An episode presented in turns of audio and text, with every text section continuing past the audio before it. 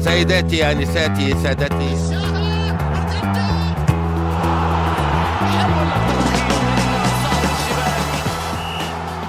السلام عليكم ورحمة الله وبركاته، أسعد الله أوقاتكم بالخير واليمن والبركات، وحياكم الله جميعا في حلقة جديدة من ملعبكم السعودي بودكاست مرتدة. هذه الحلقة مختلفة صراحة. أه تحس إن جالسين نقدم حلقة في يوم عيد. فيها الكثير من الأفراح. فيها كذا جانب من الشعور يميل كثير للفخر بغض النظر عن الأفراح. وبنفصل ليش إحنا نفخر في هذا اليوم، لكن أكيد إنها حلقة بتكون فيها العاطفة ميالة كثير آه، لآرائنا ممكن حتى أكثر من العقل. لأن منتخبنا قدم مسيرة رائعة وتكاد تكون أفضل مسيرة في دور المجموعات المؤهلة لكأس العالم آه، بحول الله وقوته. بالإضافة إلى كل هذا بنحاول نفصل بشكل أكبر كيف قاد هيرفي رينارد هذا المنتخب من كونه منتخب ما بعد بيتزي إلى أن وصل اليوم إلى صدارة أصعب مجموعة في تصفيات كأس العالم في آسيا دائما ما كنا يعني خلينا نقول نرافقكم في أغلب آه الأيام الماضية والاسابيع الماضية ولكن ودي أنوه على نقطة بسيطة جدا.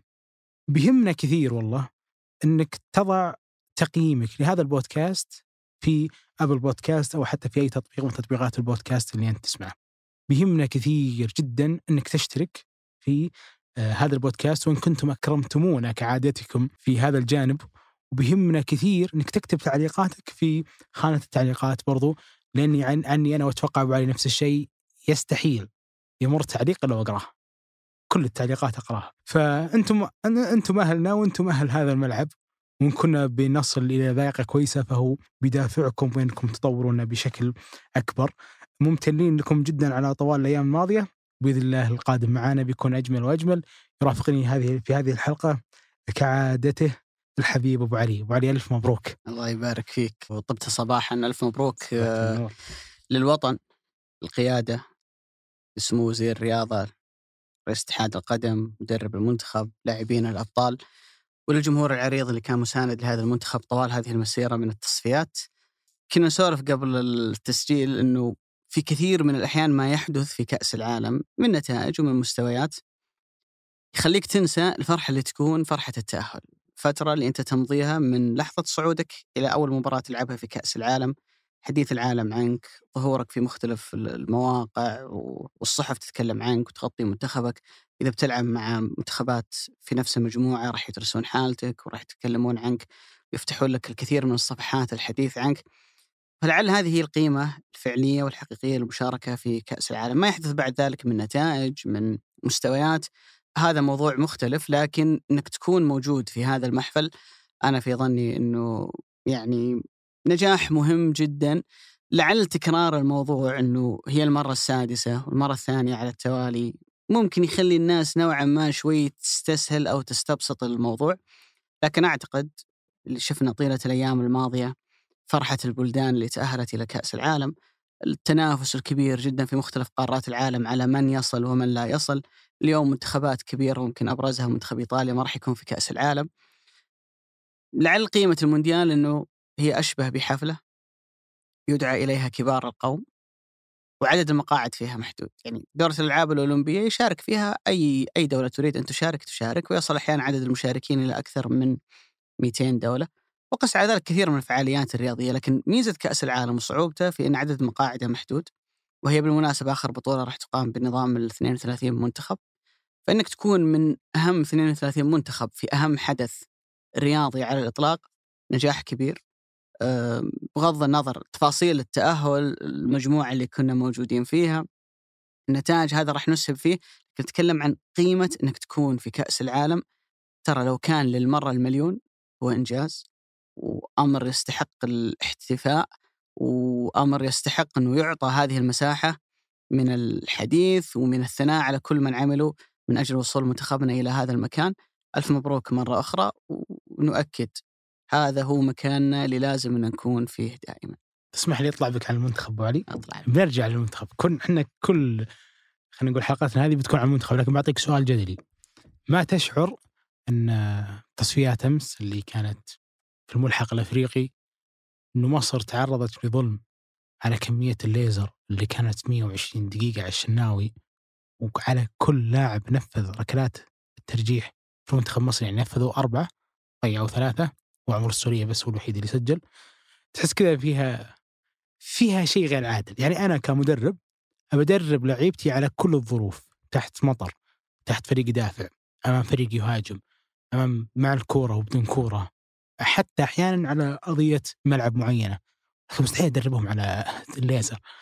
ما تشوف فيها غير الليزر. طبعا كان في عمليات قذف آه، العلاج بالمويه الشناوي الشوط الأول أنا شفت بس ثلاث اللي جت فيه وكان يكمل ترى ما كان يتذمر كان يكمل ما عنده مشكلة صحيح ما تحس فيها فيها يعني أوكي ما ما أقول مصر. يعني السنغال كانت الأكثر استحقاق في المباراتين لكن كان فيها ظلم شويتين مصر جدا يعني مهما قلت عن كرة القدم في أفريقيا مثلا وتعاني من بعض المشاكل وما إلى ذلك كان نتكلم عن مباراة تحت مظلة الفيفا. يعني من أول صافرة تطلق في تصفيات كأس العالم إلى المباراة النهائية ترى هذا كله تبع الفيفا.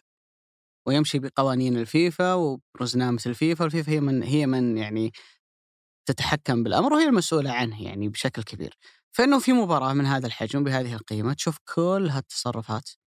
الحكم لا يتدخل، مراقب المباراة لا يتدخل، ظالمة جدا. يعني في مباراة الذهاب يعني إحقاقا مباراة الذهاب كان فيه شيء موجود من الجماهير المصرية تتكلم عن يا دوبك واحد ولا اثنين. اللي أمس كان موجود يعني الحمد لله على سلامتهم. سلامة سلامة أبصارهم هذا قبل أي شيء قبل أي نعم. موضوع تأهل أو ما تأهل. لكن بأمانة ما كان ما كان عادل جدا. يعني سواء التسليط اللي يكون على الشناوي لحظة التصدي للكرة أو حتى على لاعبين منتخب مصر. يعني في واحدة من اللقطات أظهرت إنه محمد صلاح وجهه بالكامل أخضر. من عملية الليزر اللي قاعد يكون موجود. ناهيك عن الاستفزازات العبارات اللي كانت مرفوعة في المدرجات. وهذا يدلك إنه معيار الصرامة والانضباط مطاطي ولعلنا إحنا أكثر من عايش هذا الموضوع. لما كانت الأندية والمنتخبات السعودية تروح تلعب في إيران فجأة كل القوانين اللي تتكلم عن عدم تنتهي. آه يعني رفع شعارات وعبارات وما إلى ذلك فجأة تنتهي والجماعة يسوون اللي يبغون والعقوبات جدا خفيفة ومرنة ويرجعون في المرة الجاية يسوون نفس اللي هم كانوا يسووه. فهذا يدلك أنه في كثير من الأحيان يعني العدالة الكاملة هو شيء تنشده ولكن لا تحصل عليه. أمانة أنا والله أني أشعر شوف مع أني أتفهم كمية النقم اللي جت على المنتخب المصري. كون إنه عندك خط وسط كامل هو قادر يلعب باصين على بعض أمس جالس أحسبها منتخب مصر ما قدر يمسك الكرة 20 ثانية. أتفهم كل هذا. ولكن كمية الليزر اللي جت على اللعيبة اللي هم ينفذون ركلات ترجيحية أحيانا تفكر تقول هل أصلا الحكم منطقي إنه يكمل المباراة بهالشكل؟ هل أنا بينتهي حلمي كله بكأس العالم عشان كمية ليزر بتنحط علي؟ هل هذا عدل؟ أكيد إنه. تلاحظ أصلا يعني كمية الركلات اللي كانت برا المرمى. إي ولا هي بحول المرمى. يعني ما أنا ما عمري شفت محمد صلاح أصلا ينفذ وزيزو ما عمره ضيع في حياته في أي ركلة جزاء وكان بالعكس فنان في تنفيذها ومع ذلك كم ضيع. في الجانب الآخر آه، الجزائر طلعت بالهدف بهدفين في آخر لحظة. هذا قانون يمكن يتعدل الفترة الجاية هو تعدل على مستوى ال Champions League الأوروبي. لكن يمكن تعدل على مستوى الفترة الجاية ما أدري بس كني قريت المؤسف أكثر إنه في الأشواط الإضافية. يعني إنه يكون في فريق يحظى بهذه الميزة ميزة الهدف بهدفين يعني اللي هي في حالة تساوي عدد النقاط والأهداف. لكن يعني عرفا يقال إنه الهدف بهدفين. ان فريق يستفيد منها 90 دقيقة وفريق يستفيد منها 120 دقيقة أنا أشوف إنها ما هي ما, ما, ما فيها تكافؤ فرص ولا فيها عدالة. حتى فكرة إنه ما يكون فيه. لنفترض الآن ما في أشواط يعني ما في فكرة هدف بهدفين. أنا ضد فكرة انه يكون في أشواط إضافية في مباريات من هالنوع. صحيح. من أجل تكافؤ الفرص المفروض هنا 90 دقيقة هنا 90 دقيقة. تعادلوا هنا وهنا فورا نخليهم يلعبون بالإنتيات.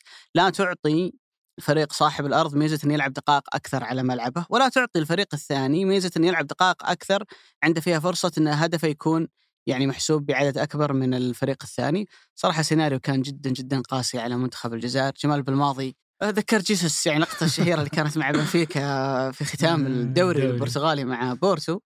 كانت لقطة صراحة يعني ما, ما في أي مدرب يتمنى أن يحط في موقف زي هذا. يعني في لحظة ما كانت الجزائر بتوصل لكن الله ما أراد. لكن على الأقل عندنا الآن أربع منتخبات وبإذن الله تعالى الإمارات عندها فرصة. أه اللي شاهدناه من أستراليا في التصفيات ليست ذاك المنتخب اللي ما تقدر عليه ما عندك أي فرصة أمامه بالعكس في فرصة. وخامس أمريكا الجنوبية البيرو. يعني ترى في نهاية أمرهم لهم البرازيل ولا الأرجنتين. عندهم نجمين بس. بالضبط. فالمباريات كلها في يونيو في فترة زمنية قصيرة وفي قطر يعني عند أهلنا وجيراننا. ففيها فرصة بإذن الله تعالى المنتخب الإماراتي إنه يلحق بالركب ويكون عندنا خمس منتخبات في كأس العالم كبلدان عربية. إحنا نتكلم الآن هذا المونديال الثاني على التوالي. آه، أربع منتخبات عربية موجودة فيه وهو أكبر عدد للمنتخبات العربية في تاريخ وجودها في مونديال واحد. المونديال الماضي اللي كان مونديال روسيا كانت السعودية تونس وبالإضافة إلى المغرب. آه، اليوم برضو السعودية تونس والمغرب لكن مكان مصر آه، حضر المنتخب القطري مستضيف هذه البطولة. برجع لمنتخبنا منتخبنا من روسيا إلى قطر آه، كيف شفته وخليني أعيد صياغة السؤال بشكل خلينا نقول أدق كيف تأهلنا مع هيرفي رينارد إلى مونديال قطر 2022 خلينا نبدأ من رينارد. وبقول إن رينارد هو شيء لا يشبه ما اعتدنا عليه في المنتخب. نتكلم كمدربين من ناحية الصلاحيات وأهم من ذلك من ناحية الفترة الزمنية الكافية اللي يقدر من خلالها إنه يحط خطته يحط برنامجه وبعد كذا يشتغل عليه. يلا بسألك سؤال إذا جاوبت عليه لك جائزة لأنه الجواب صعب شوي. قول. من هو أكثر مدرب بقي لفترة زمنية مع المنتخب السعودي؟ أه، مارفك؟ لا. جواب صعب واحد أتوقع يمكن حتى ما مر عليك اسمه. فاندرليم مدرب مصري اسمه عبد الرحمن فوزي. امم أول مرة اسمع جلس ثلاث سنوات و24 يوم. ثلاث سنوات 324 يوم يعني أربع سنوات إلا إلا حاجة بسيطة يعني. طبعا المعلومات اللي أنا بقولها كلها مأخذها من موقع المنتخب السعودي الرسمي. لكن في نقطتين مهمة تتعلق في الكابتن عبد الرحمن فوزي رحمة الله عليه. الأولى إن طوال الأربع سنوات ترى ما درب إلا ست مباريات. يعني ما كان في نشاط رياضي. لأنه جاء في عام 1957 وقتها حتى تقريبا الدوري عندنا لسه ما بدأ والنشاط الرياضي ما كان موجود بذلك الحجم. فهي تجربة لا يقاس عليها يعني كطول مدة زمنية. مين الثاني؟ أنا قلت معلومة عشان أجي للثاني. الثاني هو الحد الآن هو هيرفي رينار نتكلم عن سنتين و207 أيام طبعا إلى يوم أمس مباراة الأمس. أه وحيكمل ثلاث سنوات وأكثر لما يكمل مع المنتخب بإذن الله تعالى إلى كأس العالم القادمة. وأنا طمعان أنه على الأقل يكمل مع المنتخب إلى كأس أمم آسيا اللي راح تكون في صيف 2023 آه، يجي بعد خليل الزياني سنتين و16 يوم نجاح الشهير اللي كان في كأس آسيا 1984 يجي بعدهم فرانك ريكارد سنتين وثلاث أيام تقريبا الفترة اللي كان موجود فيها في 2011 خارج الأربعة هذولا ما عندنا ولا مدرب قدر إنه يكمل يعني مع المنتخب السعودي أكثر من سنتين. غالبا المدرب عندنا سنة وفي بعض المدربين حتى بالأشهر وفي بعض المدربين بالمباريات. استجد ان مسيرته مع المنتخب ندرب المنتخب في مباراة وبعدين مشى وجاء واحد ثاني آه، مكانه. وصار الموضوع هذا كان يصير لنا في تظاهرات يعني حتى كبيرة زي كأس العالم. أتذكر مباراة السعودية وجنوب أفريقيا كانت المباراة الوحيدة اللي يعني أقلنا مدرب في نص كأس العالم وجاء محمد الخراشي آه، ادار المنتخب في المباراة الأخيرة اللي كانت أمام جنوب أفريقيا. لما قلت لك إنه رينار هو شيء مختلف عن اللي إحنا قاعدين نتعاطى فيه مع المنتخب إنه تاريخيا إحنا ما عندنا مدرب ياخذ فرصة المفترض إنها أربع سنوات لأنه أربع سنوات هي الفترة الزمنية اللي تنتهي من مشاركة في كأس العالم تبدأ من نهاية مشاركة في كأس العالم وتنتهي بكأس العالم اللي بعدها يخوض التصفيات ويمر على طريق يلعب كأس آسيا وبعدين يروح يدرب المنتخب في كأس العالم القادمة. فهالنموذج ما كان موجود عندنا من 1957 اللي هو أول مدرب تم تعيينه للمنتخب إلى يومنا هذا. ولذلك رينار عنده عدة أرقام يعني ذكرت في الأيام الماضية مثلا أنه أول مدرب يشرف على تدريب المنتخب من بداية التصفيات إلى نهايتها. الحين لسه ما تكلمنا عن كأس العالم. التصفيات نفسها من الأولية اللي هي قبل المجموعة اللي موجودين فيها الحين إلى نهاية التصفيات هو أول مدرب يبقى طوال هذه المدة. على مستوى المباريات رينار اليوم عنده 28 مباراة مع المنتخب السعودي يأتي في المركز الثالث من حيث أكثر المدربين اللي دربوا المنتخب السعودي في مباريات الأول هو بيصيروا 31 مباراة وبعدها باكيتا 30 مباراة، لكن لازم ننتبه لشغلة إنه هالمدربين جزء من اللي ساهم في عدد مبارياتهم الكبير هي بطولات زي كأس الخليج وكأس العرب وغيرها. آه ورينا راح يتخطى هذا الرقم لما يلعب مع المنتخب السعودي المباريات الودية في الفترة القادمة وبعد ذلك يعني على أقل تقدير ثلاث مباريات اللي في كأس العالم، فأنت تتكلم عن مدرب هو ثاني أطول مدة زمنية وممكن حتى يصير الأول لو كمل إلى كأس آسيا. وهو أكثر من خاض عدد مباريات. هو أكثر من قادك للنجاح لأنه واصل إلى 18 فوز معلومة أخذتها من تغريدة انت نزلتها البارح. فتتكلم عن مدرب كمدة زمنية هو مختلف عن كل تجاربنا السابقة. لو ترجع لآخر عشر سنوات للمنتخب السعودي خلينا نقول اللحظة اللي فشلنا فيها في الوصول إلى كأس العالم 2010 وكانت أول صدمة بالنسبة لنا أول مونديال من 94 غيب عنه كان مونديال 2010 جاء ريكارد بعقد ضخم جدا الكل يتذكر يعني لما أتى. جلس سنة و133 يوم يعني سنة وكم شهر. وانتهى مشروع ريكارد اللي كان كبير بيوصل المنتخب كأس العالم 2014 لأسباب ما مشى ريكارد. جاء بعده لوبيز كارو درب المنتخب لمدة سنة و294 يوم ولم ننجح في التأهل إلى كأس العالم 2014 وكان فيها كأس خليج فشلنا فيه كان فيها كأس آسيا فشلنا. أشياء كثيرة. جاء بعدها كأس آسيا 2015 دربنا فيها كوزمن تتذكر؟ يعني جاء كذا فزعة. فزعة في آخر الأيام. أمضى يعني مع المنتخب ما يقارب 20 يوم بس اللي هي فترة البطولة ومشي. جاء بعدها فيصل البدين بشكل مؤقت وجاء بعدها اللي هو اللي كان مشروع حقيقي اللي هو مارفيك. ونجح في تأهيل المنتخب إلى كأس العالم ولكن اللي صار بعد ذلك أنه جاء باوزة جلس فترة قصيرة مذكور في موقع المنتخب السعودي أنه جلس أربع أيام. أنا ما أتذكر بالضبط كم جلس هو جاء أبو علي لعب دورة ودية أو ودية أقيمت له في جدة. بعد ذلك خلينا نقول بعد ذيك الدورة الودية اللي أعتقد إنهم ممكن يؤرخون من أول مباراة إلى آخر صحيح. مباراة. بس أنا أقصد جاء هو مع جهازه الإداري ماجد عبد الله أعتقد كان مدير المنتخب وهو كان المدرب.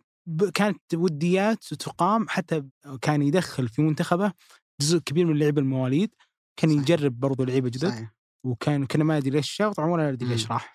ما أدري السؤالين ذي هو جلس فترة قصيرة جاء باوزا يوريسيتش أيضا فترة قصيرة حوالي سبع أيام. بعدين بيتسي اللي هو يعني ومع ذلك بيتسي جلس أقل من سنة. يعني درب في كأس العالم 2018 آه، وكأس أمم آسيا 2019 جاء يوسف عنبر فترة يعني بسيطة قبل رينار وعاد رينار هو اللي جاء موجود مع المنتخب السعودي من من 2019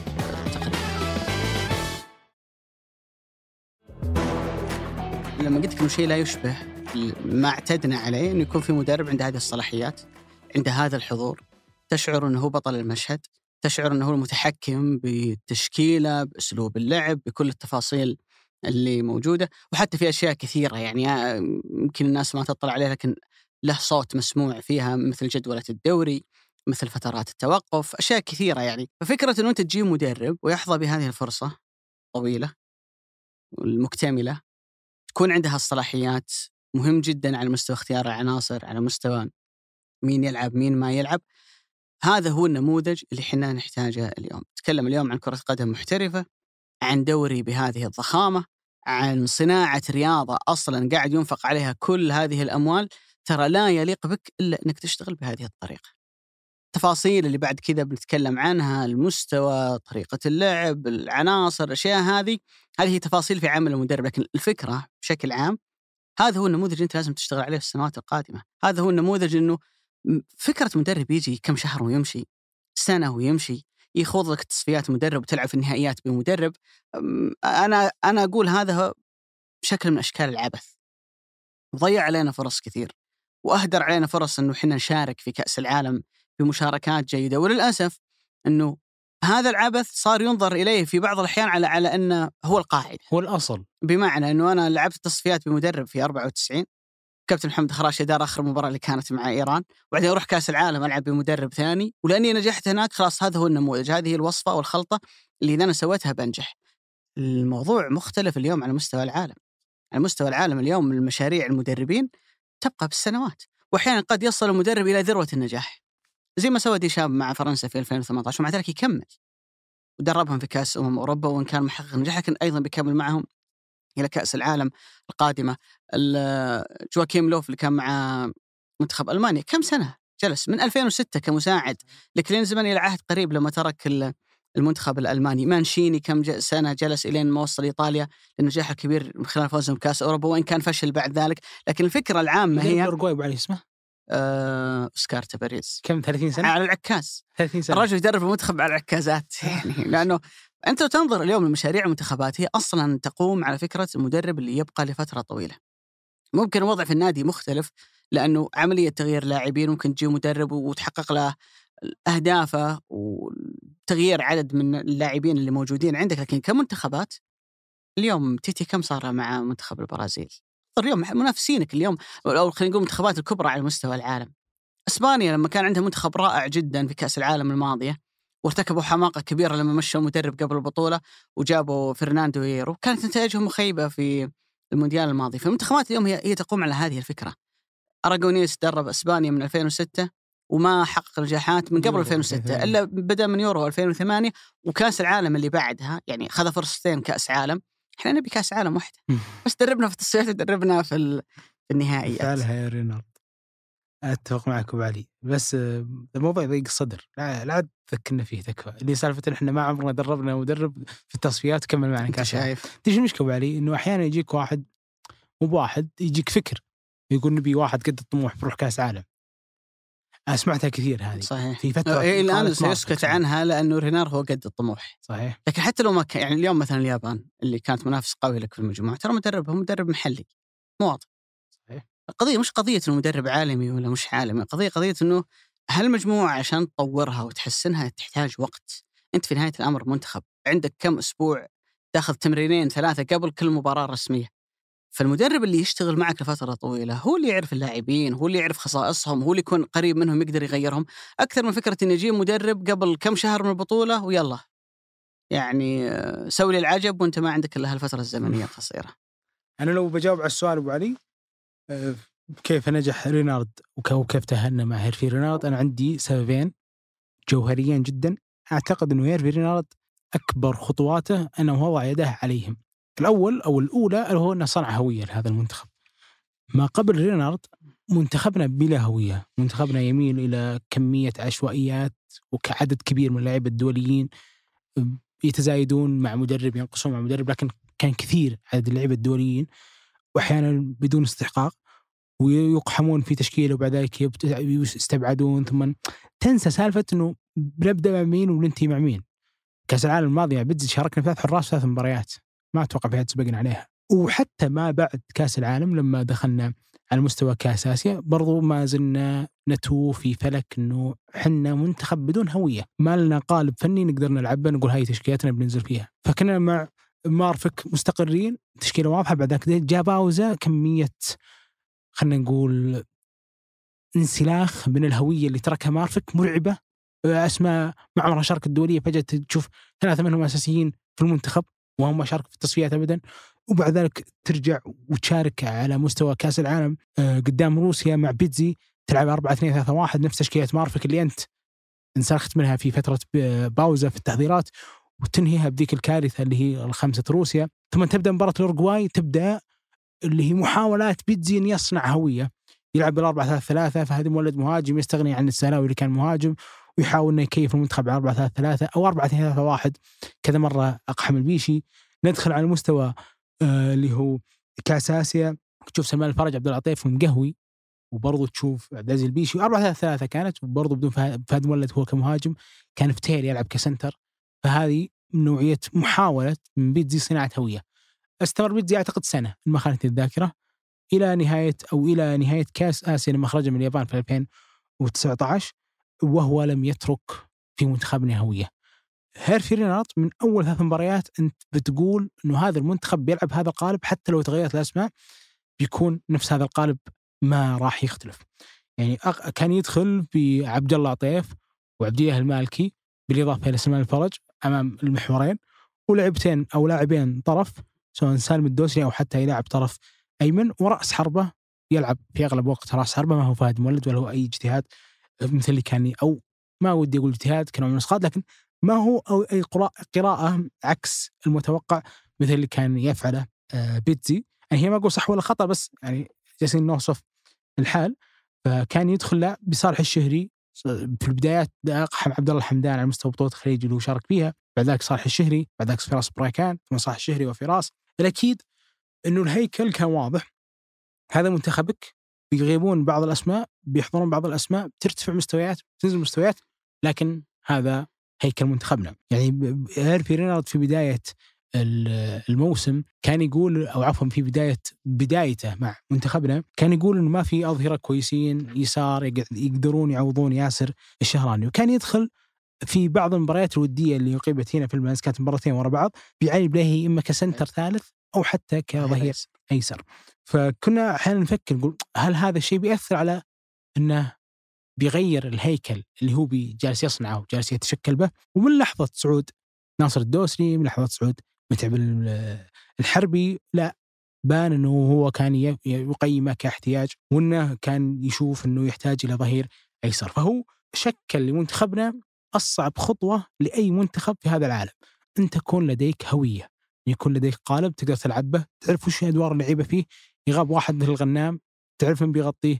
يغاب واحد مثل عبد الله طيف في البداية الله يشفيه ويعافيه يحضر واحد مثل محمد كنو يغيب واحد مثل آه، عبديه المالكي يحضر سواء علي الحسن ولا حتى أمس لما حضر سامي النجعي. تعرف هيكل منتخبنا؟ بينما ما قبل هيرفي رينارد ما كان منتخبنا له هوية ولما يكون منتخبك ما عنده هوية فأنت يصعب عليك حتى حالة التقييم في حالة الاستدعاءات. إنك تعرف هذا وين وهذا وين وهذا يعوض من وهذا يعوض من الأمر الآخر وهو أمر غير تكتيكي في ظني أنا وهو مهم جدا وأتوقع وعلينا كان واضح جدا من تصريحات اللاعبين إنه جمع هذا المنتخب على قلب واحد. صحيح. هذه ميزة بس مشكلتها ما تقدر تقيسها إلا من بعض الحالات الدقيقة جدا مثل تصريح الكابتن سلمان الفرج مثل تصريح الكثير من اللعيبة اللي ظهروا أمس. أه وش قيمة إنك تملك فريق مرعب بس ما هو مجمع على قلب واحد هذا يعني إنك بتعاني كثير على مستوى الأداء الجماعي.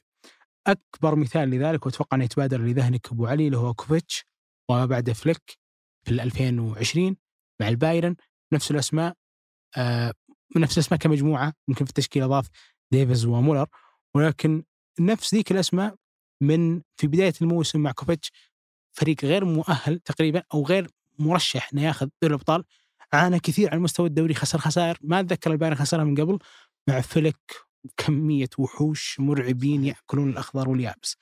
نوير قال كلمة بعد ما اخذوا الأبطال أعتقد بالنسبة لنا ما هي ما هو رأي سليم ما هو رأي صحيح ولكنه يعكس قديش هذا الفريق كان ممكن يروح لبعيد. إنه قال هذه أقوى مجموعة لعبت معها أو هذه أمتع مجموعة لعبت معها. هل هي فعلا أمتع مثلا أو اقوى من من خلينا نقول بايرن روبن وريبري اللي حقوا ال Champions ولا هل هي أمتع حتى من منتخب ألمانيا 2014 أكيد لا ولكن يعكس لك كمية التعاضد اللي فيه صحيح. هذا المنتخب. صحيح. نفس الحال هذا أبو علي منتخب الأرجنتين اليوم. عناصريا ما هو أعلى من أي منتخب عانى كثير من حالة التوهان اللي صارت. ولكن شوف كلام ميسي لما يطلع يتكلم أو حتى كلام دي ماريا. كمية التعاضد واجتماعهم على قلب واحد هذا الأمر رينارد من أول يوم وقف فيه في المنتخب تشوفه رؤية العين. أنا ودي أي أحد يفتح الوثائقي اللي ينشرها الاتحاد السعودي لكرة القدم بعد كل مباراة على اليوتيوب. بتشوف كمية إنه هذا فعلا منتخب. قبل ذلك ترى كنا نعاني. كنت تشوف أسماء لماعة يطلع يقول أنا مثلا أنا اللاعب الفلاني حقق هداف دوري بس ما ألعب المنتخب. تعال دور وراي ليش. الآن مستحيل. مهما غاب لاعب ممتاز أو يعتقد إنه ممتاز إنه يخرج خارج النص. لأن هيرفي رينارد يعلم جيدا قديش أنا بكون متقدم لما أصنع منتخب على قلب رجل واحد. وأنا هذا اللي أشوفه يعني نجح فيه نجاح مبهر. سلمان الفرج قال كلمة في الوثائقي يقول لا أخطينا أنتم شايفين ذا الرجال وش يسوي فينا؟ قالها للعيبة. وهذا دليل انه عنده شخصية الأستاذ يعني هو ممكن يكون ودود جدا حتى في لقطته مع عبد المالكي بعد إصابته أمس ولكنه فعلا رجل شرس في لحظة آه، المحاسبة. اليوم هو تأهل لكاس العالم. وش تتأمل منه مستقبلا؟ وش تطمح له مستقبلا إنه يسوي؟ وش في حساباتك المفروض إحنا نوصل فيه مع رينار؟ بس أنا أنا لازم أعلق على رينار على الشغل اللي صار في التصفيات. سألت نفسي سؤال قبل لا أجي نسجل الحلقة وإحنا ليش تأهلنا؟ وليش تصدرنا المجموعة؟ لأنه في جزء من ال... من الواقع يخلي فعلا إنه حظوظك في التأهل صعبة جدا. وهالنقطة تحديدا هي مرتبطة بأن هذه المنتخبات اللي تنافسك في المجموعة في القارة الآسيوية بشكل عام هم سابقينك اليوم في نقطة مهمة جدا وهي اللاعبين المحترفين على مستوى القارة الأوروبية. لما تواجه اليابان اللي يلعب عندهم مينامينو في ليفربول تكلم عن واحد أنت تحبه مرة يوشيدا اللي كان عنده تجربة على مستوى الدوري الإنجليزي احس كنا نستا هو حتى- ساوثهامبتون وسامبدوريا أو حتى يلعب في الدوري الإيطالي. لكن عندهم عدد لا بأس به من المحترفين الأسماء المهمة. كوريا لما يكون عندهم لاعب زي سون. لكن بشكل عام تكلم عن المحترفين على مستوى القارة الأوروبية. اليابان خلال آخر سنة مثل منتخبها الوطني الأول 34 لاعب يلعبون في بطولات أوروبية. ما راح نتكلم عن اللي يلعبون في آسيا ولا في أي قارة ثانية نتكلم عن اللي في أوروبا بمختلف بطولاتها. ترى لما نتكلم عن أوروبا نتكلم عن دوري بلجيكي هولندي فما أعلى يعني. ما حتلاقيهم في دوريات مثلا زي النرويجي ولا السويدي أو شيء من هالقبيل. نتكلم عن اليابان خلال آخر سنة استخدمت 34 لاعب محترفين في الخارج وحتى جزء كبير منهم اللي يلعبون على مستوى الدوري الياباني مثل ساكاي الظهير الأيمن كان عنده تجربة في مرسيليا ناغاتومو كان عنده تجربة وصل حتى إنه لعب في الإنتر يحسبون كلاعبين في الدوري المحلي لكن كثير منهم كانت عنده تجربة أوروبية. فأنت فعليا تلعب أمام منتخبات اليابان تحديدا بخبرات أوروبية تفوق كرة القدم اللي موجودة عندك هنا. أستراليا استخدمت خلال آخر سنة 24 لاعب يلعبون في بطولات أوروبية والأستراليين ممكن حتى يتفوقون على اليابانيين في نقطة إن كثير من لاعبيهم بحكم الهجرة وعامل اللغة وأشياء كثيرة إنهم حتى تأسيسهم يتأسسون في آه، بلدان أوروبية. كثير منهم يبدأ مسيرته الرياضية من إنجلترا أو من أكثر من بلد فبالتالي هو استراليا الجنسية لكن فعليا تركيبته وتكوينه كلاعب كرة قدم هو تم في على مستوى القارة الأوروبية، إيران اللي في فترات سابقة ما كان عندها محترفين على مستوى القارة الأوروبية خلال آخر سنة استخدمت 15 لاعب والعدد الأقل من ذلك هي كوريا عندها 10 لاعبين موجودين في بطولات أوروبية وإن كان كوريا ممكن تتفوق عليهم كلهم بال- بالنوعية يعني لاعب زي سون المهاجم الثاني اللي يلعب على مستوى ولفرهامبتون عندهم كثير من العناصر آه، آه، المميزة. فأنت إذا نظرت للمشهد اليوم حنا المنتخبات العربية في الخليج والسعو- والسعودية تحديدا أنت ما عندك ولا لاعب يلعب برا. لاعبين كلهم موجودين على مستوى الدوري المحلي، بالتالي هناك فارق في مستوى الخبرة، فارق في مستوى تحمل الضغوطات، فارق في مستوى الرتم داخل الملعب، يعني رتم المباريات، ما أتكلم عن خصائص الفردية لكل لاعب لكن رتم المنافسة في أوروبا، لاعب جايك من الدوري الإنجليزي مختلف عن لاعب قاعد يلعب في في دوري محلي ايا كان هذا الدوري. فبالتالي أنت لما تنظر للمشهد بهذه الطريقة تقول هل فعلا أنا عندي فرصة إني أتأهل؟ هل لما أوضع في مجموعة فيها اليابان وأستراليا حيتأهل اثنين فقط من المجموعة بشكل مباشر، هل أنا في موقف عندي أفضلية إني أتأهل على حسابهم بل إني أروح إلى أبعد من ذلك إني أفوز عليهم هم الاثنين في المباريات اللي ثنتين كانت في جدة وأتصدر المجموعة على حسابهم الأمر هذا أنت لو نظرت له قبل التصفيات بتجد انه صعب جدا، طيب لماذا نجحنا؟ أقدر أقول ببساطة فرصك في النجاح أمام منتخبات تفوقك على مستوى جودة العناصر تكمن في أن تلعب كفريق. لأنه في عبارة يعني متداولة وهي صحيحة يقول لك مجموع أو مدى قوة فريق لا يساوي مجموع قوة عناصره. ما أجي أقول عندهم فلان وفلان وفلان فبالتالي خلينا نقول قوتهم خلينا نعطي رقم افتراضي نقول تسعة من عشرة. وأنا لأن عندي فلان وفلان وفلان أنا قوتي سبعة من عشرة. الكورة الكورة ما تمشي بهالنظام. المهم هو أن تلعب كفريق. ولذلك أكثر نقطة اشتغل عليها رينار هي الفريق. والفريق هذا تقدر تقيسه أنا في ظني من خلال ثلاثة أشياء. أولا التنظيم. اللي أنت تكلمت عنها. وضع المنتخب احترام. تشعر أنه هذا المنتخب قاعد يعامل باحترام شديد جدا من قبل اللاعبين ومن قبله هو نفسه رينار. لما يكون رينار نفسه يحضر كل المباريات أتذكر حتى في يوم حضر مباراتين في يوم واحد كانت كلها في الرياض طلع من الملعب وراح ملعب ثاني عشان يتابعها من الملعب ما كان يقدر يشوفها في ال- في التلفزيون. كان يمكن يوصي مساعد بعد. بالضبط. فأنت لما تتكلم عن التنظيم أنا إذا باخذه فنيا أخذه من من جانبين. اولا أسلوب اللعب. أسلوب لعب واضح. فلسفة واضحة للمنتخب تعتمد بشكل كبير جدا على إني أنا أكون المتحكم برتم وسير المباراة وإذا بناخذها بالأرقام المنتخب السعودي أقل نسبة استحواذ حصل عليها في مباراة كانت 50% اللي مع أستراليا في سيدني. يعني ناصفناهم نسبة الاستحواذ. عدا ذلك كل المباريات المنتخب السعودي كانت له نسبة الاستحواذ الأعلى من بينها. المباراة الوحيدة اللي خسرناها اللي كانت أمام اليابان في اليابان سيطرتنا كانت 60% في مباريات مثل الصين الأخيرة 74 آه، فيتنام الأولى كانت 72 في كل المباريات كانت لنا نسبة الاستحواذ الأعلى لذلك هذا المنتخب كأسلوب لعب كان قائم على فكرة إن الكرة دائما معي أنا أتحكم برتم المباراة أنا أكون الطرف المتسيد أو الافضل فيها على الأقل من ناحية الاستحواذ والسيطرة على المباراة. تقيسها من جانب ثاني إذا تأخذها كخط خط أعتقد إنه نجح نجاح كبير جدا في إنه يحسن من خط دفاعنا. آه، استقبلنا ست أهداف من عشر مباريات. في 2018 كان عشر أهداف استقبلناها من عشر آه، مباريات فبالتالي تكلم دفاعيا في تحسن كبير جدا ومع ذلك أنت أقل المنتخبات الأربعة تاهلا كنجاح دفاعي. كوريا عنده ثلاث أهداف من عشر مباريات إيران واليابان عندهم أربع أهداف من عشر مباريات ستجد دائما المنتخبات اللي تنافس على التأهل عندها قوة وصلابة دفاعية ممكن الرقم يكون ما هو دقيق جدا لأنه ثلاثة أهداف من الست اللي استقبلناها كانت أمام منتخب ما كان يشكل عليك خطورة اللي هو المنتخب الصيني صحيح. آه بينما في بقية المباريات الثمان مباريات أنت استقبلت ثلاثة أهداف خرجت على الأقل خمس مرات في شباك نظيفة وهذا بأمانة يعني نجاح يحسب الرينار في تحسين الجانب الدفاعي خلينا نروح من التنظيم للنقطة الثانية اللي أنا أعتقد أنها أيضا مهمة اللي هي روح الفريق. وبأمانة ساعده كثيرا كثيرا كثيرا وزارة الرياضة ممثلة في الأمير عبد العزيز والشغل الكبير اللي سواه اتحاد القدم معه في الفترة الماضية. أمس سلمان لما كان يتكلم يعني كان يشيد يعني بكمية الراحة اللي هم كلاعبين وجدوها من قبل الاتحاد السعودي طوال مشوار التصفيات ذللوا لهم كافة العقبات أه، تشعر أنه اللاعب يعني في عملية تواصل كبيرة معه أمس حتى لما كان الحفل الختامي دعوا جميع اللاعبين اللي شاركوا في التصفيات حتى لاعبين من الممكن أن نسينا متى آخر مرة مباراة لعبوها مع المنتخب. فواحدة من الأشياء الجميلة أنهم عاملوا هذا المنتخب باحترام كبير جدا. في تفاصيل بسيطة يا أبو سعود ممكن أحيانا الواحد ما ينتبه لها لكن تدلك أن الجماعة معطين المنتخب قيمته وحقه.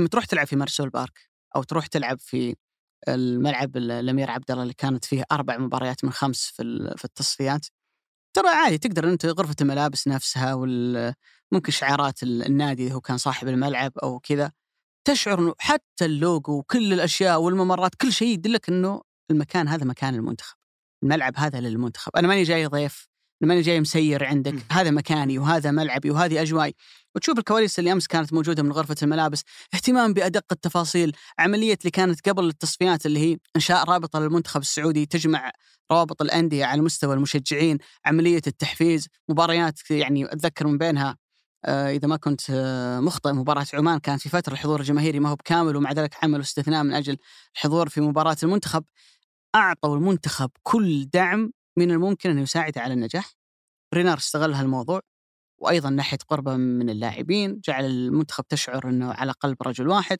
الوزير كان له إسهامات أنا أتذكر اللي كانت مع فواز القرني، إحنا نتكلم هنا عن التقاطات هي تظهر لنا. تلتقطها الكاميرات وتظهر لنا، لكن أنا متأكد أضرب هالالتقاطات اللي أنت شفتها في عشرة ترى هذا اللي أنت ما شفته. فيدلك إنه في في في روح ولحمة موجودة عند الفريق. النقطة الثالثة اللي هي عملية تطوير اللاعبين. مع إني أنا عندي قناعة إن المدرب ليست مهمته إنه يطور لاعبين لكن رينار كان يأتي إلى بعض المراكز ويضع فيها خيارات يعطيك في المنتخب أداء ما تلاقيه في النادي. عبد الإله المالكي أبرز مثال إلى لحظة إصابته، صالح الشهري والتالق الكبير.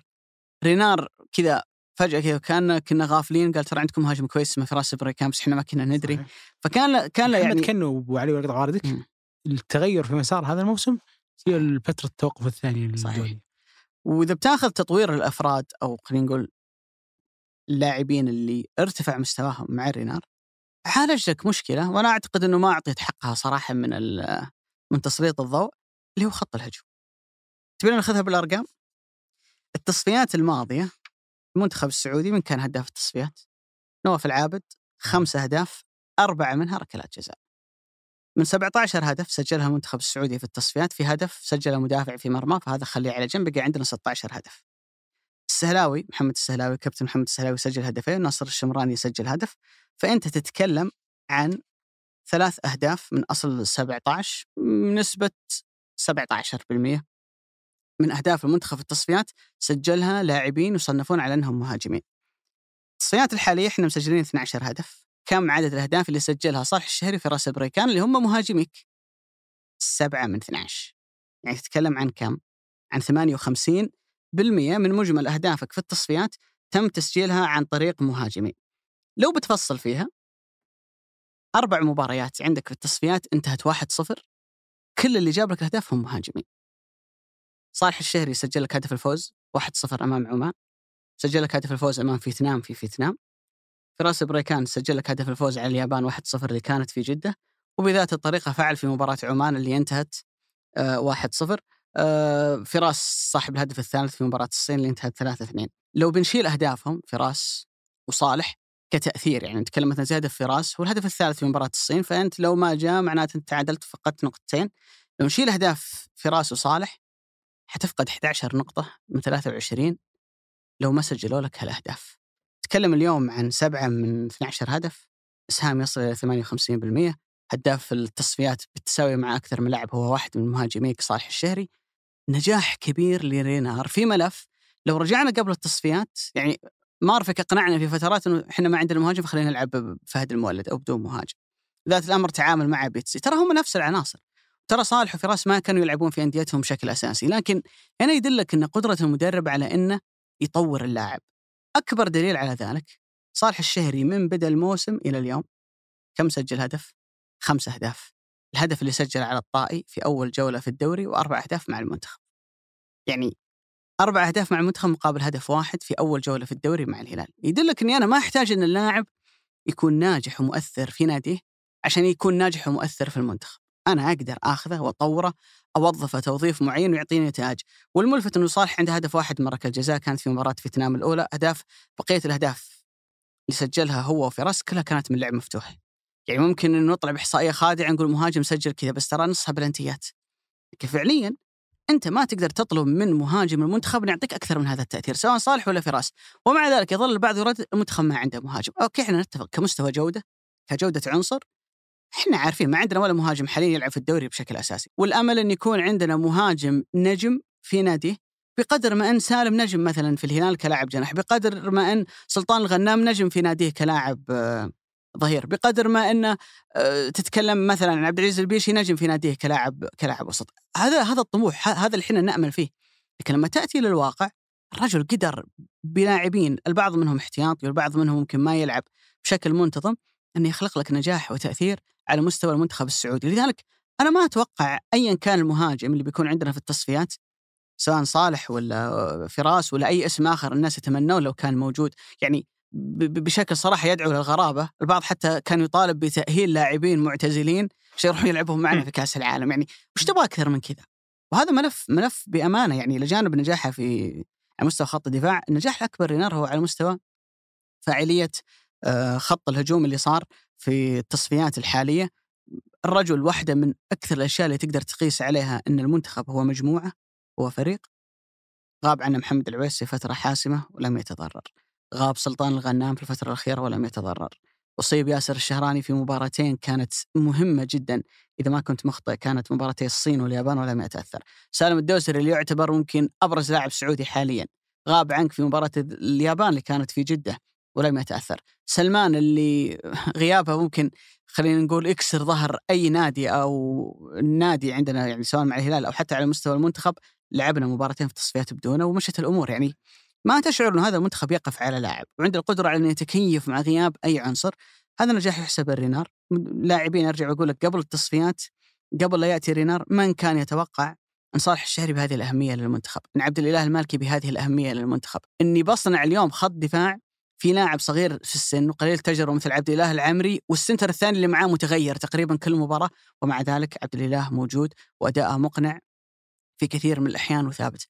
كلها نجاحات تحسب لرينار فأعتقد إنه يعني قام بجهد كبير جدا مع المنتخب من بداية المجيئة مرورا التصفيات الأولية انتهاء التصفيات النهائية المنطق والعقل يقول أرجع السؤال اللي سألتني إياه إن بعد كل هالمشوار ومع الفترة القادمة اللي موجودة عندنا للتحضير إن نشوف مشاركة مختلفة في كأس العالم. يا رب إن القرعة بس تكون حنينة علينا شوي تعطينا مجال إنه نوعا ما يكون عندنا فرص في التأهل لكن أنا الأهم بالنسبة لي دائما ألعب.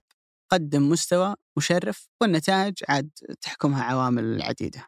وقف عند هذه النقطة أبو علي اللي هي نقطة ماذا ننتظر في كأس العالم؟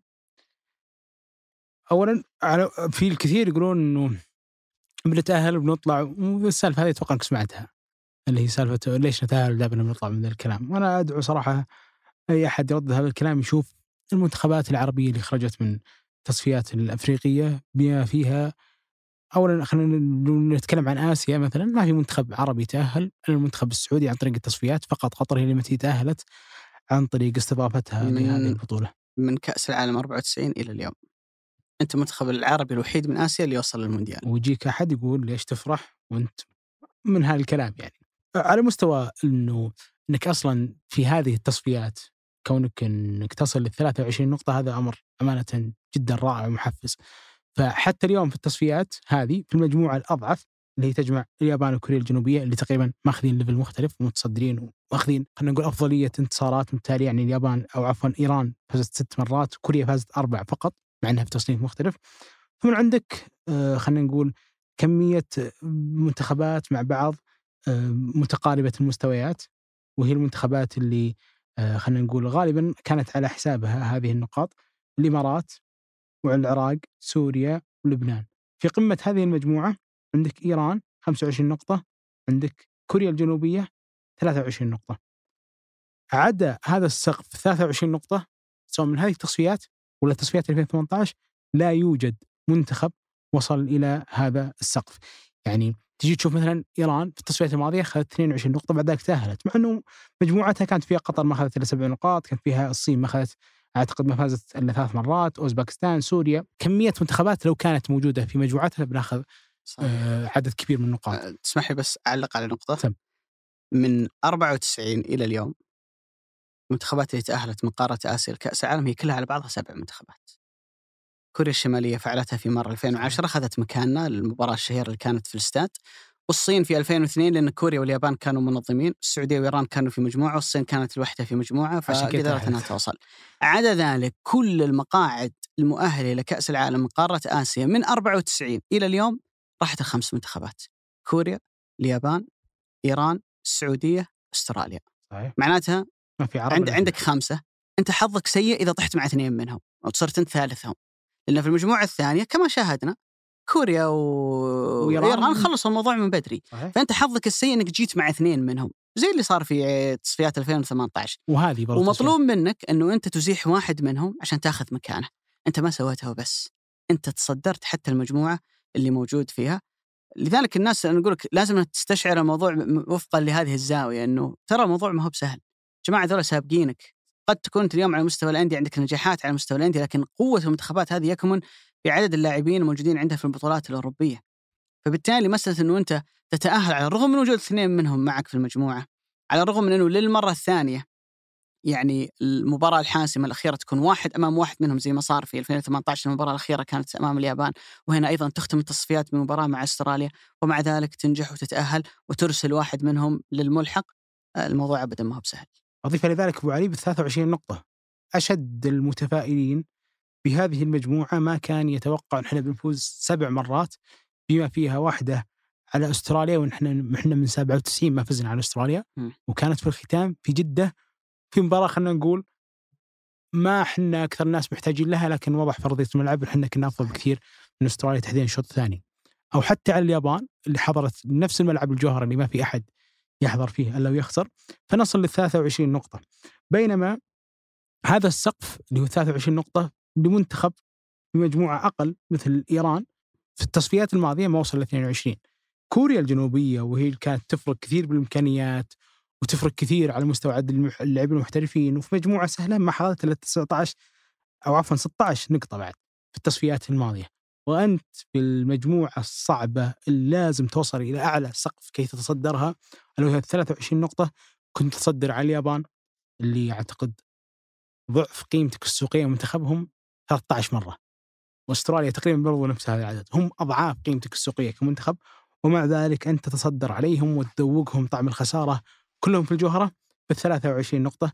عشان كذا أنا ما عندي أدنى شك إنه هذه أفضل تصفيات شفتها لمنتخبنا أعتقد إنها كانت صعبة لامرين أصعب منتخبين في هذه القارة معك في نفس المجموعة إلى المره الثانية ترمي واحد منهم في الملحق وتتصدر هذه المرة بالإضافة لأنها طويلة جدا صحيح. على مستوى عدد المنتخبات. ولكن لو جينا نشوف باقي اثنين يا أبو سعود. اللي هم؟ باقي اثنين لابد أن نشكرها. ولهم دور كبير جدا في نجاح المنتخب.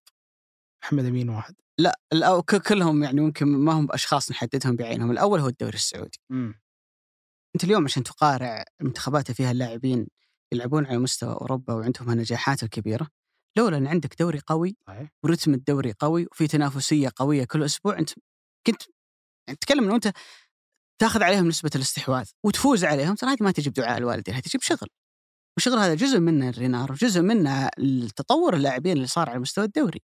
اليوم سالم الدوسري هو سالم مختلف تماما عن اللي كان موجود.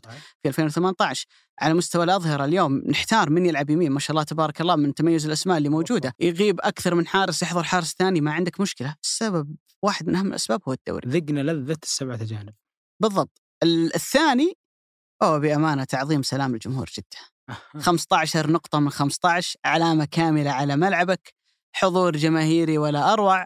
المباراة الأولى كانت أمام فيتنام الجمهور الرياض. أوكي يعني يعطيهم العافية على ذيك المباراة لكن جمهور جدة بأمانة واحد من أهم أهم أهم أسباب نجاح المنتخب الدعم الجماهيري الكبير اللي حظى اللي حظى فيه في المباريات اللي قيمت في الجوهرة.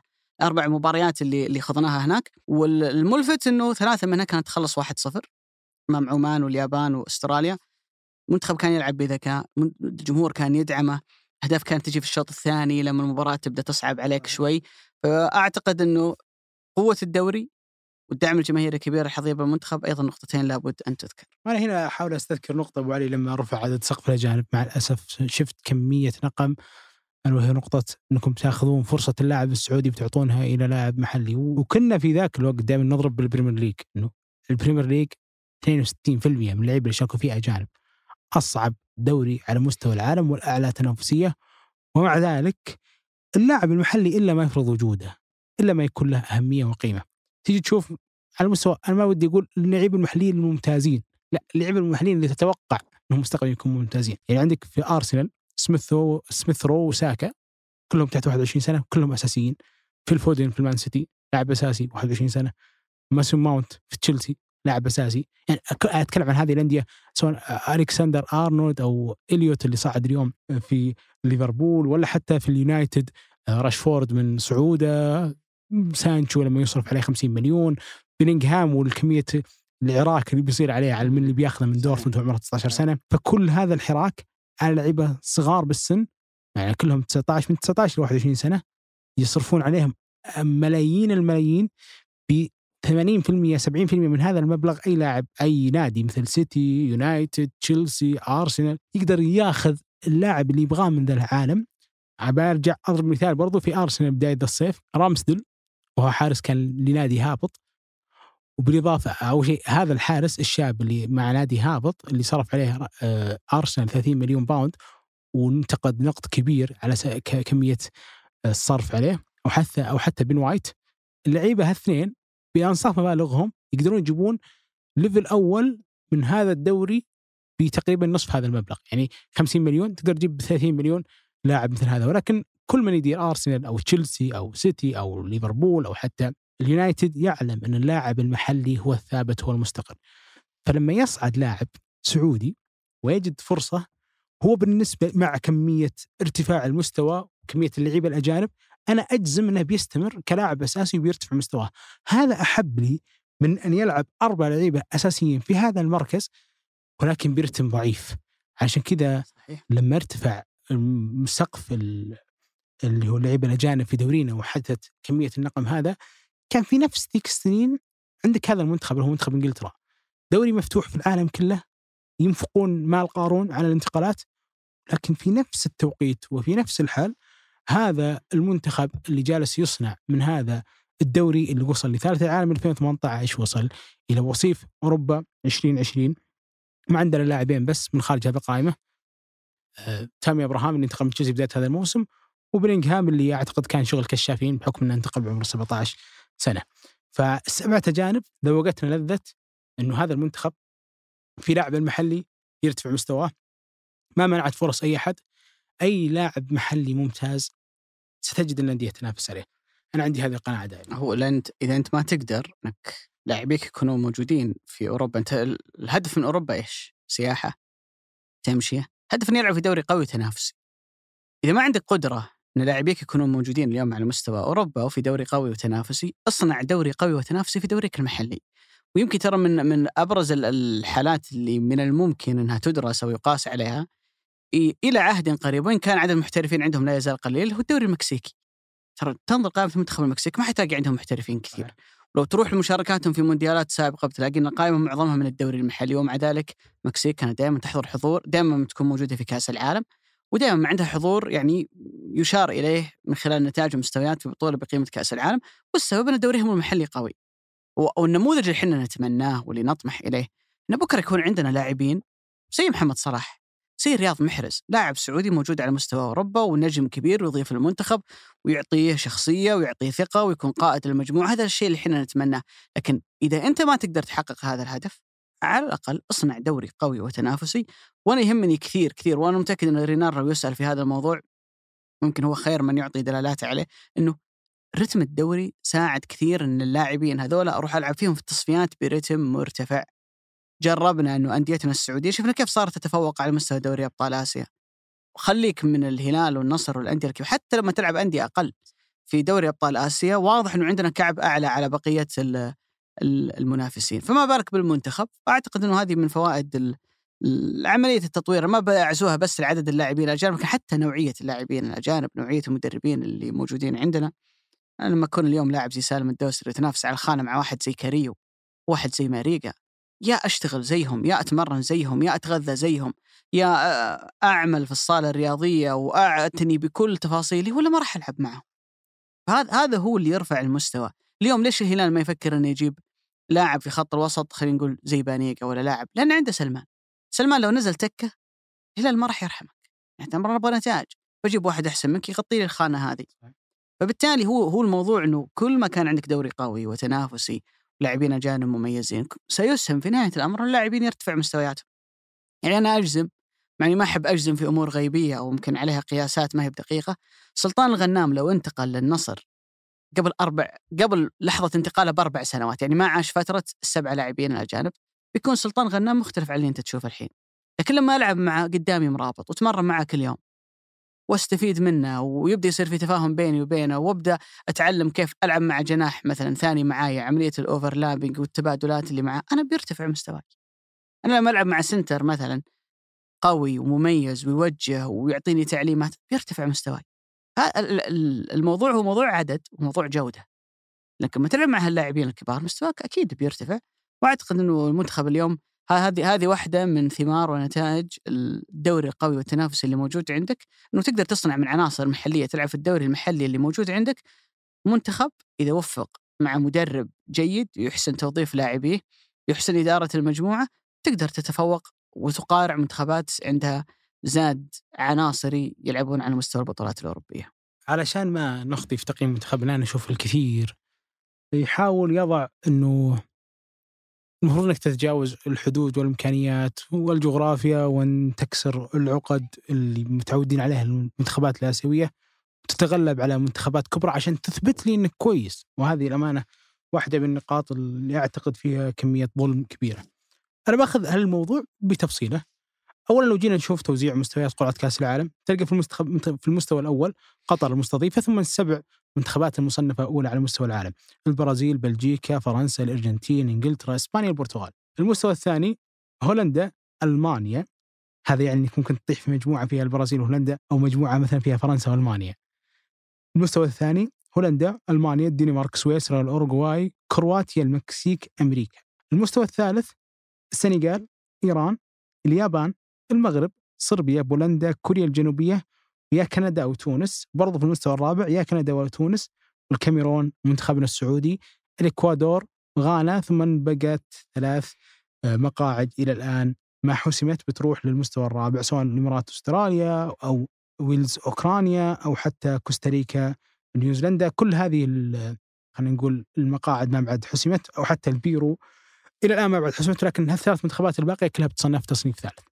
يعني نفترض جدلا إنك وقعت مع منتخبين أوروبيين كبار مصنفين مستوى أول أو مستوى ثاني أو حتى مثلا البرازيل وقعت معها مع ألمانيا أو فرنسا مع هولندا وكان المنتخب الثالث اللي معك بقيمة بولندا منتخب يملك ليفاندوفسكي أو حتى بقيمة السنغال. أنا هنا دائما أشير للنقطه أنت كمنتخب ما هو هدفك إنك تكسر كل الحواجز اللي تتجاوز إمكانياتك علشان تثبت إنك ناجح؟ انت جالس تلعب في فوارق كبيرة ما بين الإمكانيات اللي عليك إنك تقدم أداء يعكس هذا التطور اللي إحنا جالسين نتكلم عنه اللي فعلا إحنا نستحق حقه على مستوى كرة القدم السعودية في المحافل العالمية. ما هو هدف بالنسبة لك إنك تفعل المعجزة، الهدف إنك تحاول إن تقدم كل ما في يدك، هذا هو في نظري أنا. يعني على سبيل المثال منتخب تشيلي لما طاح في تصفيات كأس العالم 2014 اللي كانت في البرازيل ولعب في المباراة الأولى قدام أستراليا وحقق من أستراليا ثلاث نقاط، بعد ذلك لعب مع وصيف البطولة وبطل البطولة إسبانيا بعد ذلك هولندا. فاز على إسبانيا أعتقد 2-0 اللي كانت مباراه مع سان باولي بعد ذلك خسر من هولندا هنا تأهلت تشيلي على حساب إسبانيا بطلة البطولة المصنفة الأولى على هذه البطولة وخلينا نقول إلى كمية الزخم اللي تملك إسبانيا في فترة توهج برشلونة وريال مدريد. تشيلي صنعت هنا معجزة وبدأت تسلك طريقها ولكن ما في أحد منطقي في بداية التصفيات من تشيلي أو محب لتشيلي أو يشجع هذا المنتخب أو ينتمي لهذا البلد ويقول أنا اطالب تشيلي إنها تتأهل هنا وتكسر كل الحدود أمام البطل والوصيف، ولكنهم فعلا فعلوا ذلك بس انه ما هو هدف لهم.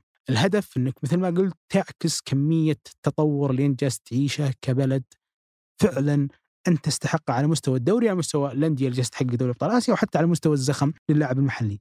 طيب أنا هنا وش أنتظر من هذا المنتخب كهدف غير كأس العالم؟ في ظني أنا لازم تحكم لك فترة زمنية على هذه القارة على مستوى تحقيق البطولات. الأمم آسيا الجاية ولا حتى اللي بعدها سواء اللي فترة 2023 ولا حتى اللي بعدها أنا هنا لو بطالب أحد بشيء أبى أطالب أن هذه البطولة واحدة من هالنسختين أو الثلاث قادمات لازم تحققها لأنه أنت كسرت كل يعني المنتخبات الأصعب اللي جالسة تناكفك اليابان أو حتى أستراليا أنت كسرت الكثير من العقد أمامهم لاعبتك صاروا متمرسين جدا في الانتصارات عليهم وأنت عندك كل القدرات والإمكانيات إنك تتجاوز سواهم. فلما تحقق هذه البطولة مرة أو تحققها مرة ثانية وبعدك تستمر في المشاركة في كأس العالم وتتحسن في التصنيف وترتفع تدخل في الثلاثين أو حتى أقرب من ذلك أنت هنا فعلا منتخب يقدم أفضل أداء متوقع منه على مستوى ال level اللي أنت تلعب فيه في دوري أو عفوا في كأس آسيا ولا حتى في البطولات الآسيوية ككل. أنا أتمنى من منتخبنا إنه يكون حاضر في هذا المجهود إنه مع هيرفي رينارد يحقق كل ما يستطيع أن يحققه على مستوى آسيا إنه يأخذ الأفضلية في هذا الإقليم. وعلى مستوى كأس العالم أنا أطالب أمانة أن يظهر بمظهر مشرف في كل مباراة يقدمها، ان فعل أكثر من ذلك. وإحنا لازم ننتظر المجموعه، لكن ان فعل أفضل من ذلك بكون جدا سعيد، لكني أحترم تماما فوارق الامكانيات اللي جالسة تصير، يعني ما ما ودي أسمع نغمه إنه الكثير يتوقعوا إنه الهلال لازم يفوز على تشيلسي في كأس العالم الانديه الماضية، لا ما ما ما في أحد يطالب بهذه المطالبات، لكن أنت وش تتوقع أو وش تتمنى من المنتخب في الفترة الجاية ابو علي؟ اولا شوف ما تقدر تحكم على النتائج وين لازم نوصل لحد ما تطلع القرعة، لأنه بناء عليه أنت تعرف وين موضع قدمك في المجموعة، على الرغم من إنه ترى في مرات سابقة كانت المجموعة تساعدنا على إنه إحنا نتأهل ومع ذلك ما تأهلنا. أبرز مثال كأس العالم الماضية ما كانت مجموعة قوية ومع ذلك ما نجحنا ان نتجاوز دور المجموعات. ذات الأمر ينطبق على أتذكر مجموعة 2006 لما كانت معنا إسبانيا، تونس، أوكرانيا وكانت مجموعة تعطيك مجال إنه أنت تتأهل ومع ذلك لم يحدث ذلك. رينار نفسه في كأس العالم السابقة كان مدرب لمنتخب المغرب، كان موجود معه إيران، كان موجود معه بعبعين كبيرين جدا اللي هم إسبانيا والبرتغال. وما قدرنا نتجاوز المجموعة لكن الكل يشيد بأداء المنتخب المغربي في ذيك البطولة. فأنا أقول دائما بالنسبة لي ألعب كورة. وري الناس الكره اللي عندك. لي ثقافتك. وري الناس الكره اللي عندك. خلي الناس بكرة لما تشوف هذا المنتخب حتى لو خسر لا قدر الله. يا أخي والله هذا منتخب محترم.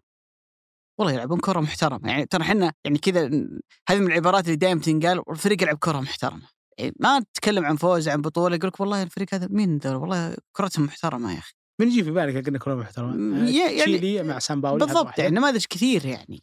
تشيلي مع سان باولي تتكلم عن أورجواي فترة مع تبريز نفسه في 2010 تتكلم عن منتخبات راحت بعيد ممكن وصلت الأدوار متقدمه أقل من ذلك في كثير من الأحيان يعني أتذكر كوستاريكا في 2010 قدموا بطولة ممتازة لما كان معاهم إيطاليا والأورجواي في نفس المجموعة. في كثير من الأحيان ترى المطلوب منك وانت تلعب.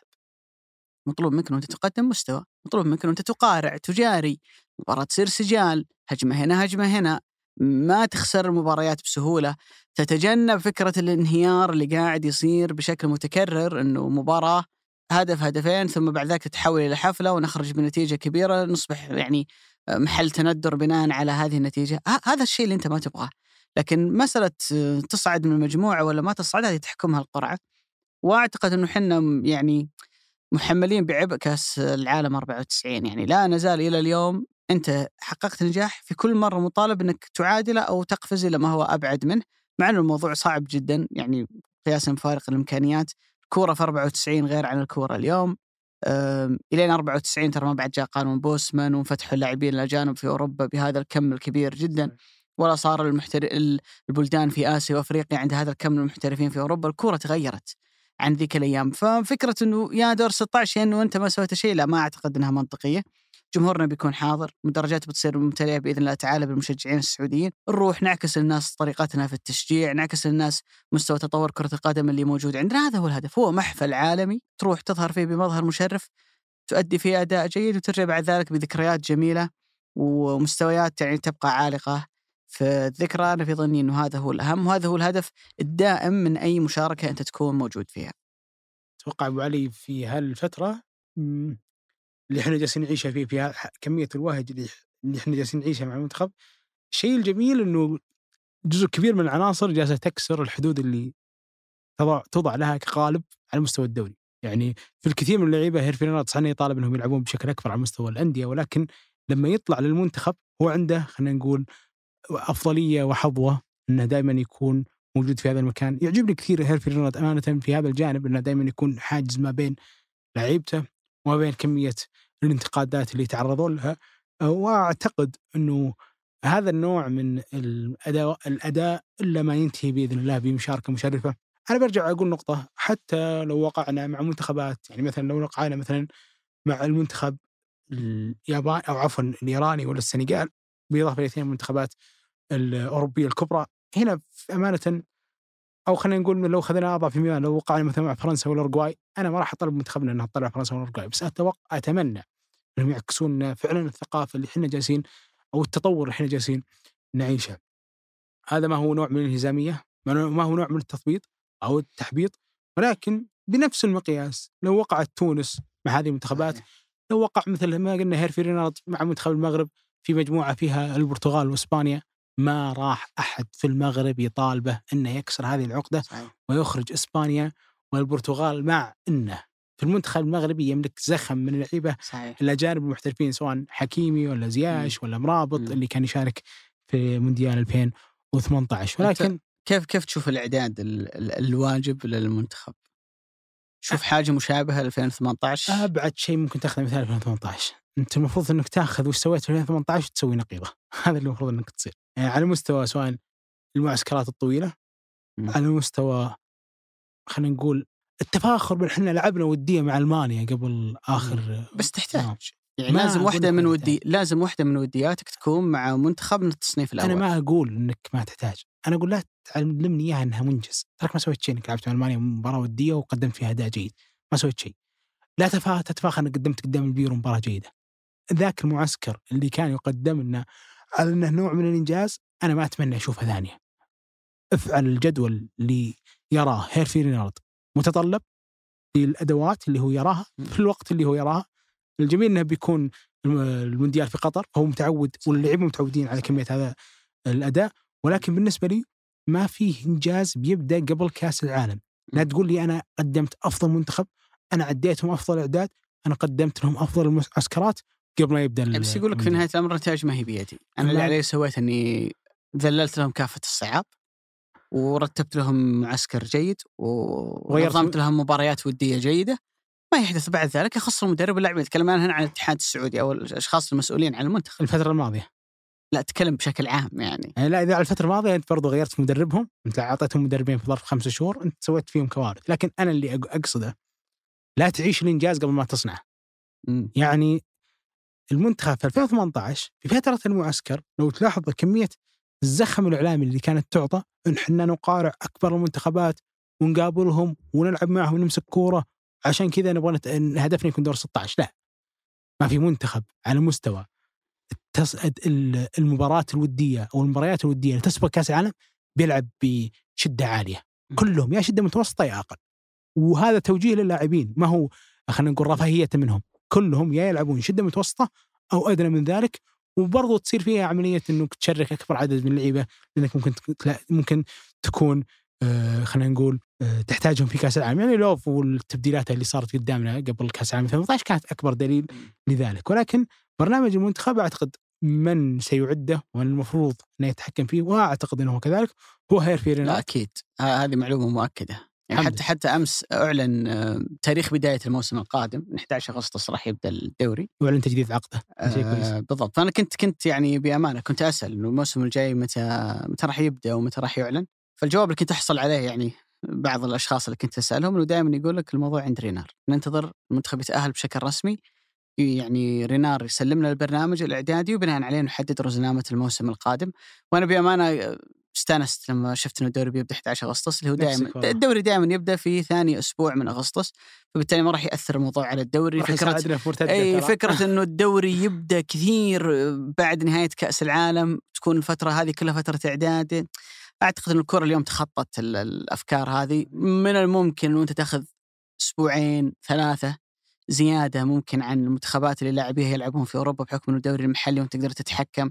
تقدر توقف الدوري في فترة أبكر فتعد اللاعبين بشكل أفضل لأنه مثل ما ذكرنا فرصك في النجاح هي دائما تكمن في إنك تلعب كفريق. فانا من الممكن ياخذ الفترة هذه عشان أعدهم بدنيا أكثر اجهزهم من نواحي ثانية لكن فكرة معسكر بالشهرين وبالثلاثة لا هذه أتوقع إنه آه، عفى عليها الزمن. آه، من هنا إلى نهاية آه، ما بقول نهاية الموسم من هنا إلى كأس العالم إلا ما نأتي بالحديث عن المنتخب وأشياء كثيرة راح تبان فيه من ناحية القرعة.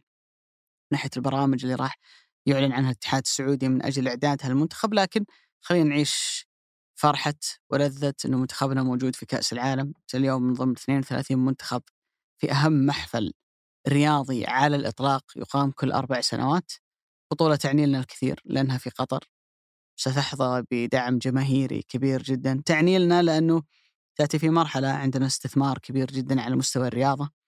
وغير لائق وغير مقبول ابدا إنك ما تكون في محفل عالمي بقيمة كأس العالم. لكن على الرغم من هذا التطلب الشديد جدا لا يعني ذلك إنه المشوار كان سهل ولا يعني ذلك إنه التاهل يعني أتى بسهولة ولا بدون عمل. أنا أعتقد إنه كل من عمل مع المنتخب السعودي في هذه الفترة الاستاذ ياسر المسحل والطاقم اللي موجود معه باختيارهم لكافة فريق العمل اللي موجود معهم أنا أعتقد إنه زي ما يقولون علقوا الجرس. أي اتحاد يأتي بعدهم أي أحد سيدير المشهد الرياضي بعدهم اشتغل من هالمستوى وما فوق. غير مقبول اليوم عند الشارع الرياضي أن تكرر أخطاء وهفوات كنا نقع فيها في فترات سابقة. بعد ما جربنا لذة الاستقرار على مدرب منح الصلاحيات لمدرب أن يعطى القدرة أن يتحكم بالمجموعة وبالعناصر ما أعتقد إنه نبغى نرجع للمربع الأول اللي في عملية تغيير مستمرة وما إلى ذلك. لذلك آه، نجاح أعتقد إنه يمكن اثنين على رينار واثنين على اللاعبين لكن أيضا الاتحاد السعودي له دور كبير جدا في النجاح اللي صار وأعتقد إنه واحد من ضمن عدة نجاحات بأمانة يعني آه، لهم في في المجال الرياضي في في الفترات الأخيرة. ما ياسر المسحل أبو علي تحمل كثير في هذا الجانب، يعني حمل ما لم يحتمل على مسألة إدارة كرة القدم والاتحاد السعودي لكرة القدم في ذلك. ولكن لما تجي تشوف حال أنديتنا حال جدا رائع دورينا جدا رائع بطل دوري أبطال آسيا سعودي المنتخب المتصدر لأصعب مجموعة على مستوى هذه البطولة سعودي.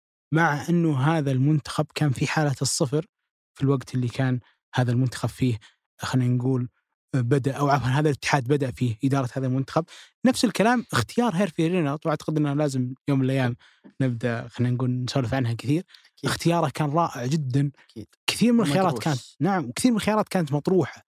أنت المنتخب السعودي كمية آه، خلينا نقول قدرة مالية عندك عندك دوري ممتاز وعندك حياة فيها الجزء كبير من الرفاهية فأي مدرب يكون بالنسبة لك وارد إنك تجيبه. ومع ذلك أنت جبت هيرفي رينارد اللي خبرته في المنتخبات على مستوى المنتخبات الأفريقية سواء في آه، آخر لما حقق دوري آه، الكاس آه، أفريقيا للأمم أو حتى لما أدار المنتخب المغربي في التصفيات الماضية. كل ذلك وذهبت إلى هيرفي رينارد ما كان هذا ال CV مغري للكثير من المتطلعين اللي متعودين على بيتزي مارفيك صحيح؟ فاختيار عظيم لياسر المسعل اختيار عظيم لفريقه. رهان ناجح. جدا. رهان أتوقع اليوم هم يذوقون في, في في أبو سعود في أحد المساهمين في النجاح أعتقد إنه ما أتينا على ذكره كويس ان خليناه في النهاية لأنه عشان ما نظهر بمظهر اللي قاعدين نمدح أنفسنا. أنا أعتقد أيضا إنه التعاطي الإعلامي مع المنتخب في هذه التصفيات كان إلى حد ما مثالي. تذكر في تصفيات كأس العالم 2018 بداية المباراة الأولى كانت أمام أمام تايلاند في استاد الملك فهد. ما كان في ذاك الحضور الجماهيري الكبير وكان في حالة إحباط ويأس أنه التصفيات جاية بعد نسختين سابقتين من كأس العالم ما تأهلنا وأصلا كيف بنتأهل اليابان وأستراليا معنا في المجموعة؟ وتتذكر يعني اللي صار في مباراة تايلاند وانه فزنا بركلة جزاء من نواف العابد وبعدين مباراة العراق اللي كانت أعتقد أقيمت في ماليزيا. مهزومين 1-0 في آخر الدقائق حصلنا على بلنتيين وفزنا.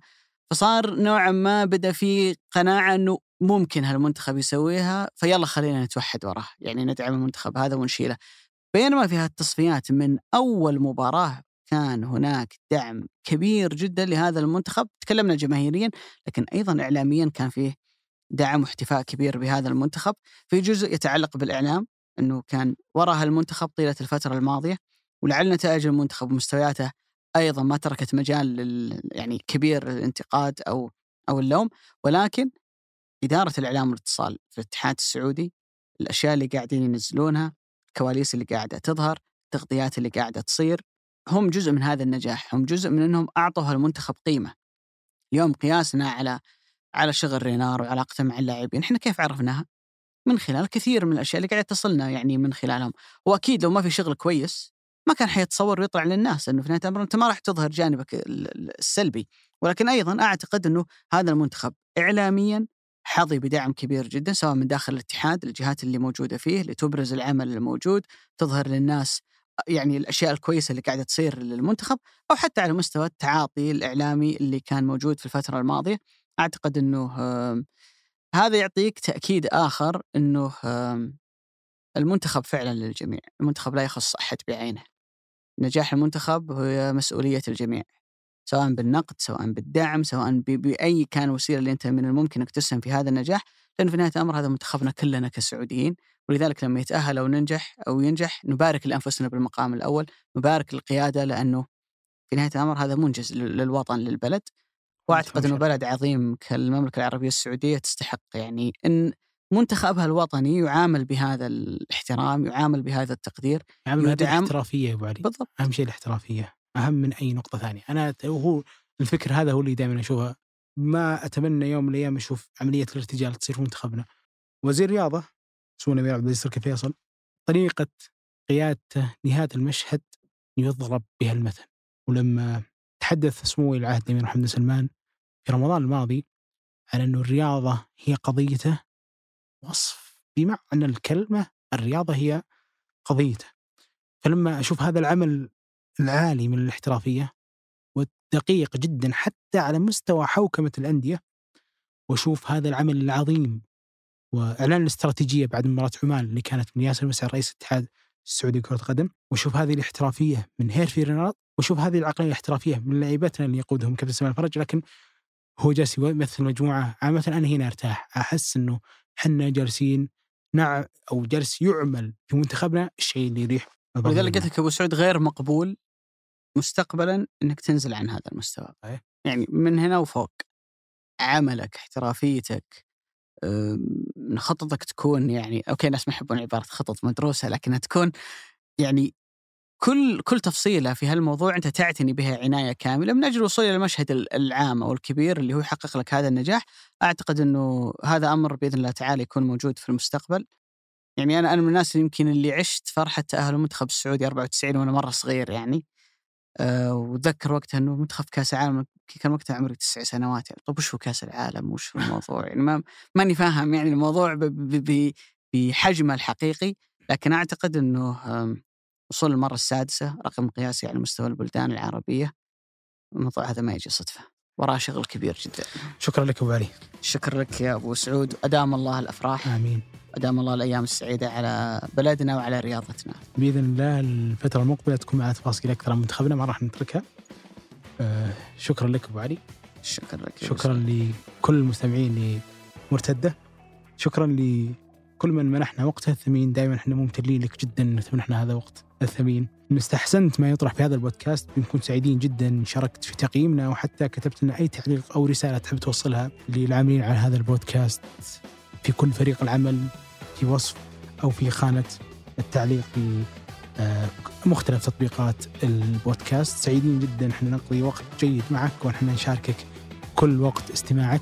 شكرا لكم شكرا لياسر الغانم في تسجيل هذه الحلقة وفي تحريرها. مرام الضبيبان وجميل عبد الأحد وفي الهندسة الصوتية محمد الحسن وفي إدارة الإنتاج هنادي الهذلي وصالح باسلامة وفي الإشراف على إذاعة ثمانية سحار سليمان هذا بودكاست مرتدة أحد منتجات شركة ثمانية للنشر والتوزيع.